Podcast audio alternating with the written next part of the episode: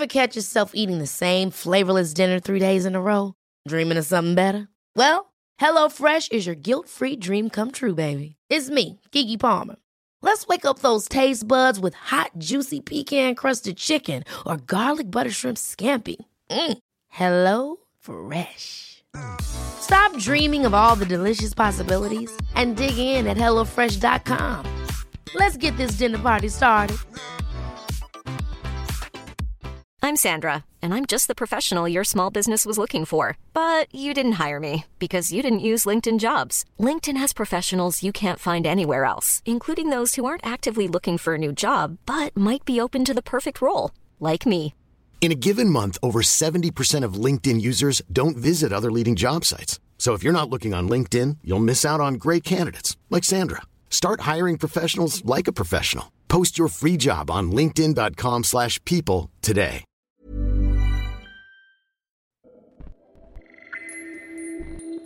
كل خلية بجسمي كانت ترجف. حاسة إن أنا عايزة أخرج من جسمي. تجارب وحكايات عن الجسد والذات وما بينهما. هنا شبكة Kerning Cultures تستمعون لبرنامج جسدي. مرحبا. عم تسمعوا الحلقة 16 من الموسم الثالث من بودكاست جسدي. معكم المعنتبلي بحكايتنا اليوم رح نضوي على أماكن العمل يلي بلحظة ممكن تتحول لمقبرة أحلام وطموحات ومصدر تهديد دائم للنساء. وفيها ممكن يتفرغ تعبير الأمان الوظيفي بكل مستوياته وأشكاله من معناه. لما كل حدودك ممكن تنتهك أمام طمع وجشع القوة والسلطة والشعور غير المفهوم بالاستحقاق. بشبكة Kerning Cultures ومنصة موج وعبر بودكاست جسدي. عم نتعاون لنروي قصص النساء من خلال سلسلة حكواتية وعلى لسان حكواتيات من أنحاء العالم العربي. الحكاية 16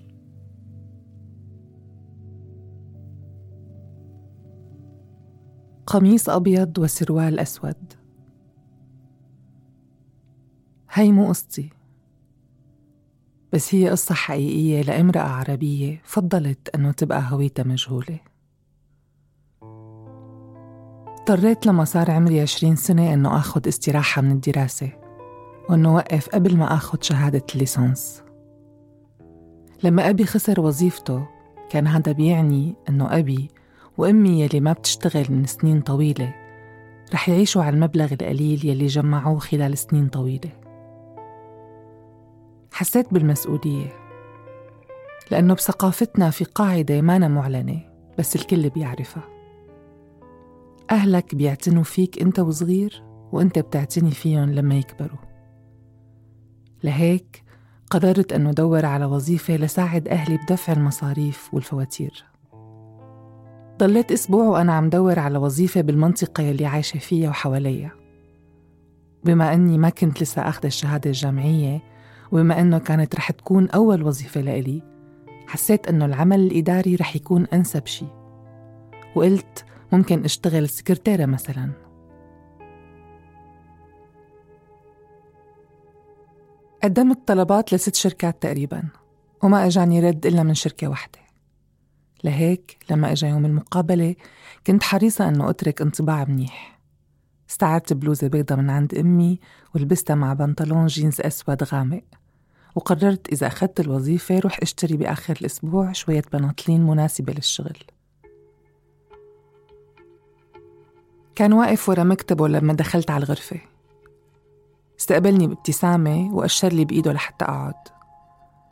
مسكت الكرسي بقوة وسحبته لورا بدون ما أحس الكرسي طلع صوت عالي على الأرض. سألني كتير أسئلة عن دراستي وهواياتي وجاوبته على كل شي. ولما خلصنا شكرته وطلعت. حسيته شخص محترم. بتذكر إنه هذا اللي فكرت فيه بيومها. أهلي كانوا بيعرفوا عيلته وهذا شي عادي ببلدتنا الصغيرة. تاني يوم اتصل فيني وقال لي مبروك الوظيفة.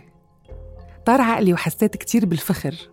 بتذكر إنه ماما وقتها عملت لي أكلتي المفضلة على العشاء لحتى تتشكرني. بلشت شغل بالأسبوع يلي بعد المكالمة. كمساعدة بمكتبه.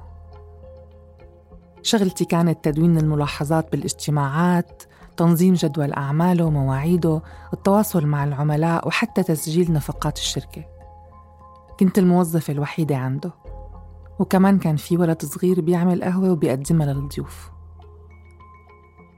بأول يوم إلي بالشغل وأنا قاعدة ورا كومة كبيرة من الوراق عم حاول أفهم نظام الملفات وترتيبها انتبهت عليه وهو عم يطلع علي. توقعت أنه يقيم نظره عني لما أطلع عليه بس ما صار هالشي. بالعكس طلع عم يطلع فيني وبعدين بلش ينقل نظره من فوق لتحت من وشي لرجلي وبعدين يتطلع من تحت لفوق. ضل عم يعمل هيك وبعدين دار وشه ومشي. كنت متعودة على نظرات الرجال علي. لأني كنت صغيرة وحلوة وكنت بعرف هالشي. بس بنظراته هو بالذات كان في شي مو مريحني. قعدت فكر عادي إنه يتطلع علي مديري بهالطريقة؟ كانت أول مرة بشتغل مع مدير لهيك ما عرفت قارن أو قيم الموضوع فقررت شيل كل هالأفكار من راسي. بعدها بأسبوع وأنا قاعدة ورا المكتب قرب علي وهو حاطط إيديه بجيوب بنطلونه الواسع وسألني وصلك الإيميل يلي بعثت لك إياه بخصوص طلب الشهر الماضي؟ فتحت الإيميل ودورت بالرسائل الجديدة وقعد دور على الإيميل تبعه. ما قدر يصبر لحتى لاقيه فجأة إجا ورا مكتبي مال فوقي لحتى يشوف شاشة الكمبيوتر تبعي. ما كان في زلمة بحياتي قرب علي كل هالقد. شميت ريحة الكولونيا يلي كان حاططها وريحة سجاير الكنت والقهوة اللي كانت طالعة من نفسه. آه ليكو الإيميل فيكي تكتبي رد لأحمد لو سمحتي؟ قال لي هالجملة وبعدين الحمد لله قام ووقف فصار بعيد عني شوي. قلبي كان عم يدق بسرعة كتير وكأنه قلبي كان فهمان شو عم يصير قبل ما حتى عقلي يحلل الموضوع. بتذكر إني نطيت من على الكرسي لما حسيت بإصابعه وهي عم تلمسني من ورا اذني عزيزي أحمد بلش يمليني الكلام وهو عم يحرك اصابيعه ورا اذني ضليت عم بتطلع على الشاشة وأنا عم بكتب الرد تبعه كلمة كلمة. ولما خلص رجع على مكتبه وأنا كنت بحالة ذهول من يلي صار. ونفسي كان رح ينقطع.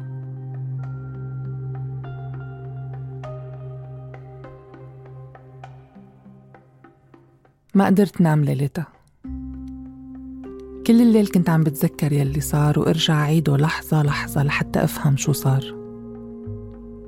قعدت أسأل حالي مليون سؤال.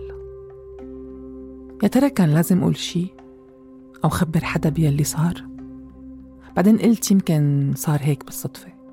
يمكن كان عم يختبر تركيزي. أكيد رح يفهم أني أنا مو معجبة فيه لأني ما اطلعت عليه. يمكن أنا عم كبر الموضوع والقصة مو مثل ما أنا شايفة. ضليت طول الليل عم فكر بكل هالأفكار بيني وبين حالي.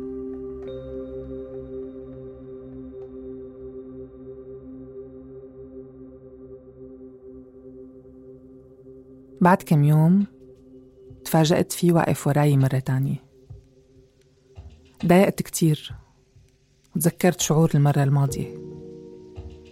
توقعت أنه يمسك شحمة إذني كمان هالمرة بس لقيته عم يحط أصابعه على رقبتي من تحت.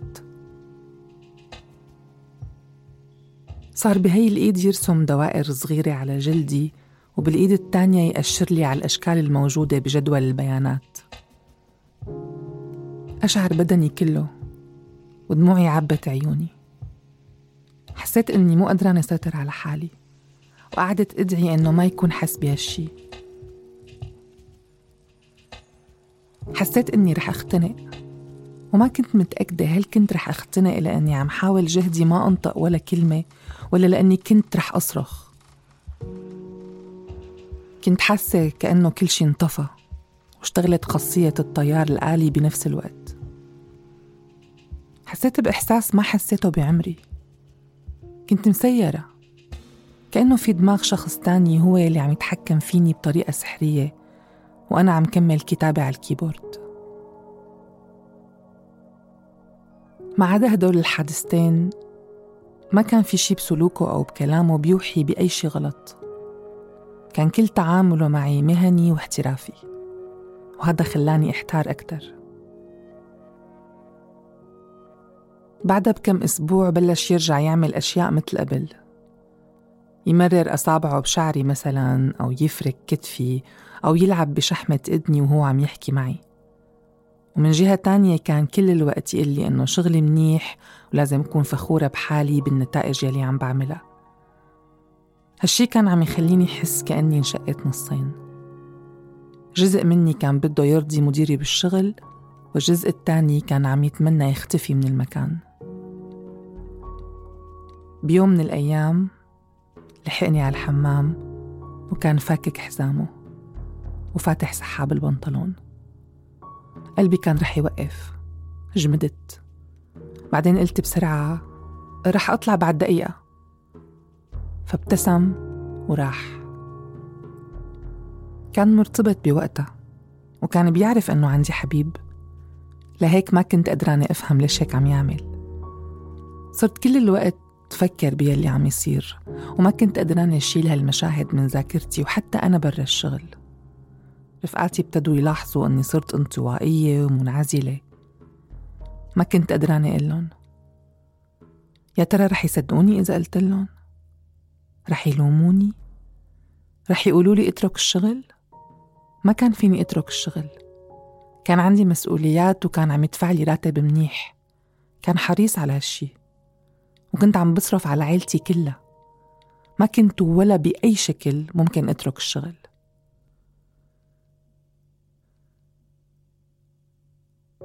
قضيت شهر وأنا عم عاني ولوم حالي على يلي عم يصير. صرت ألبس لبس واسع كتير وبطلت حط عطر وقلت ممكن إذا بطلت أهتم بحالي وصار شكلي مو جذاب يبطل يعمل هالأشياء. بلشت أكتب جمل على دفتري وحاول أحفظها. كل يوم كنت درب حالي عليها قدام المراية وقول اليوم رح واجهه. وبعدين لاقي لحالي ألف عذر لحتى أجل المواجهة. اليوم مزاجه سيء مو خرج أحكي معه أو إني مو نايمة منيح أو شفت قطة سودا وأنا جاية على الشغل. لحتى بيوم من الأيام استجمعت قوتي وتشجعت وقررت أحكي معه. دخلت على مكتبه الصبح وسألته إذا فيني أخذ كم دقيقة من وقته وقال لي طبعا أشار لي بإيده أنه أقعد. حاولت بين واثقة من حالي وقلت له أني ماني مرتاحة أبدا لطريقته ولمسه إلي وأنه لازم يوقف هالشي فورا. وذكرته بأنه عنده خطيبته وأنه أنا كمان عندي حبيب بحبه كتير. وقلت له أني بحب وظيفتي وبتمنى يكون راضي عن أدائي بالشغل وأني كتير مهتمة بأني كمل الشغل. ضل ساكت لفترة طويلة. ووقتها فهمت أنه الحديث انتهى. مع أنه ما ابتدى. وقفت ببطء وطلعت لبرا وأنا وشي بالأرض.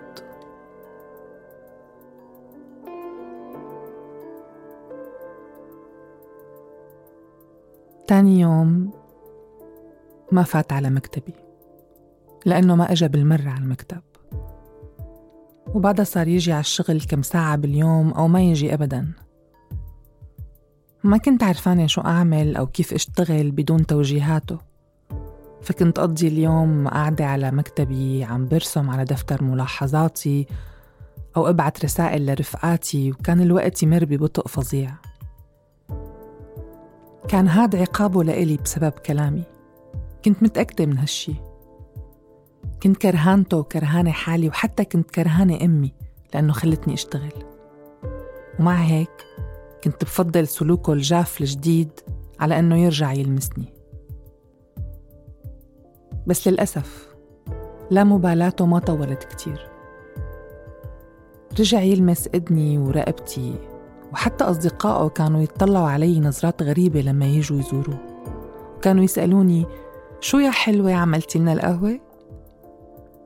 كانوا يطلبوا مني أعمل لهم قهوة مع أنه كانوا بيعرفوا كتير منيح أنه تحضير القهوة ما كان جزء من شغلي.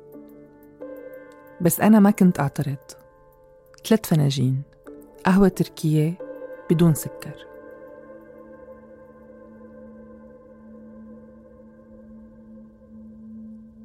هل بعت حالي مقابل راتب شهري؟ شو الصورة يلي أعطيتها عن حالي؟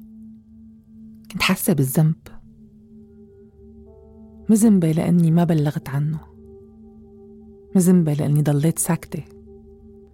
مذنبة لأني لفتت نظره. كله بسببي. ضليت كل الوقت عم قول هالكلام بيني وبين حالي. لو ما حطيت مكياج لو ما ابتسمت له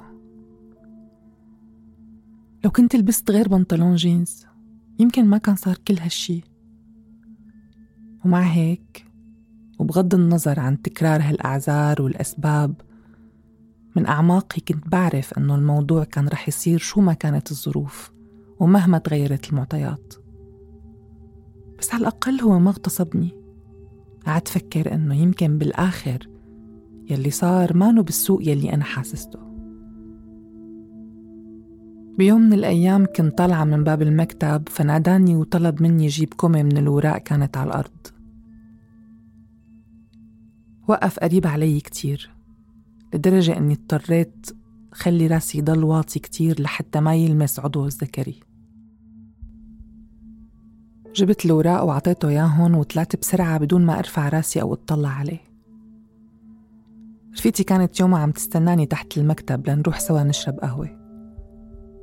لما طلعت من البناية كان وشي أحمر ودموعي نازلة. حاولت سيطر على حالي قد ما بقدر بس هي طبعا عرفت فورا إنه في شي صاير معي. أول ما قعدنا بالقهوة يلي بنلتقى فيها دائما سألتني شو عم يصير؟ ما قدرت أمسك حالي. انهرت تماما وخبرتها عن كل شي عم يصير معي. كنت بعرف إنها ما رح تقدر تساعدني بس كنت ممتنة إنها عم تسمعني. رحت تاني يوم على الشغل وضل مديري عم يتحرش فيني ويلمسني. بس ما تمادى أكتر ما عمل شي أكبر. فأقنعت حالي إنه طالما ما عم يعمل شي مؤذي أكتر رح ضل عم بشتغل مشان ضل عم بقدر أصرف على أبي وأمي. ضليت سنة كاملة عم بشتغل عنده. وكنت عايشة خلالها حياة مزدوجة. أخيرا رجع أخي من أوروبا. لقى وظيفة منيحة كتير وصار بيقدر يصرف على العيلة. فصار فيني وقتها أنه أرجع على الجامعة. بتذكر كتير منيح اليوم يلي استقلت فيه من الشغل. قالت لي صديقتي يوما إنه الموضوع رح يكون مثل شيل اللزقة عن الجرح. فوتي على مكتبه. لا تعدي. بس فوتي وقولي له إنك رح تتركي الشغل. وهيك عملت بالضبط. وقفت عند باب مكتبه. ما دخلت حتى. وخبرته أني راجعة على الجامعة لحتى كمل دراستي لهيك ما عاد بقدر كمل شغلي. فقال لي إنه طبعا بيتفهم الموضوع. وبتذكر إنه شكرني على جديتي وتعبي بالشغل وعرض علي يكتب رسالة توصية بحال كان بدي أقدم على وظائف بالمستقبل لأنه بالنهاية أنا بعرف كل الناس بهالمدينة. قال لي هالجملة يلي ما بقدر انساها بحياتي.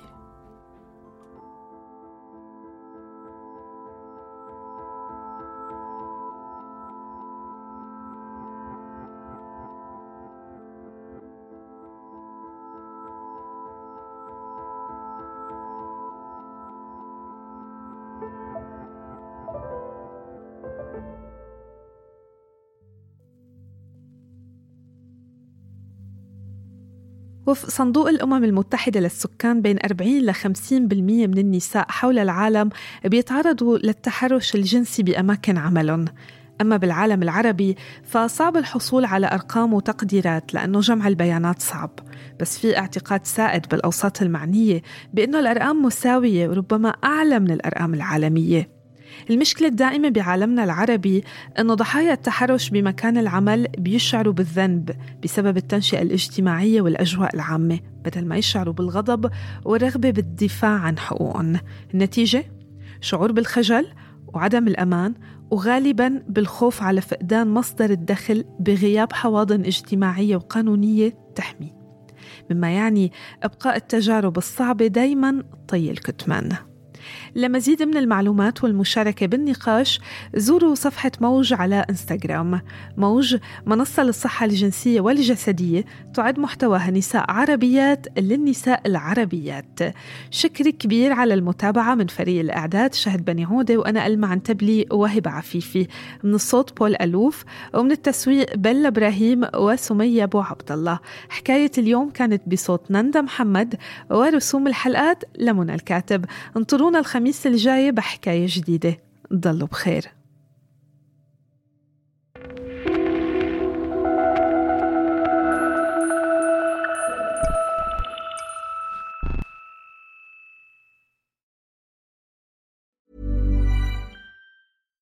Mom deserves the best, and there's no better place to shop for Mother's Day than Whole Foods Market. They're your destination for unbeatable savings, from premium gifts to show-stopping flowers and irresistible desserts. Start by saving 33% with Prime on all body care and candles. Then get a 15-stem bunch of tulips for just $9.99 each with Prime. Round out Mom's menu with festive rosé, irresistible berry chantilly cake, and more special treats. Come celebrate Mother's Day at Whole Foods Market. Hold up. What was that? Boring. No flavor. That was as bad as those leftovers you ate all week. Kiki Palmer here, and it's time to say hello to something fresh and guilt-free. Hello Fresh. Jazz up dinner with pecan-crusted chicken or garlic butter shrimp scampi. Now that's music to my mouth. Hello Fresh. Let's get this dinner party started. Discover all the delicious possibilities at hellofresh.com.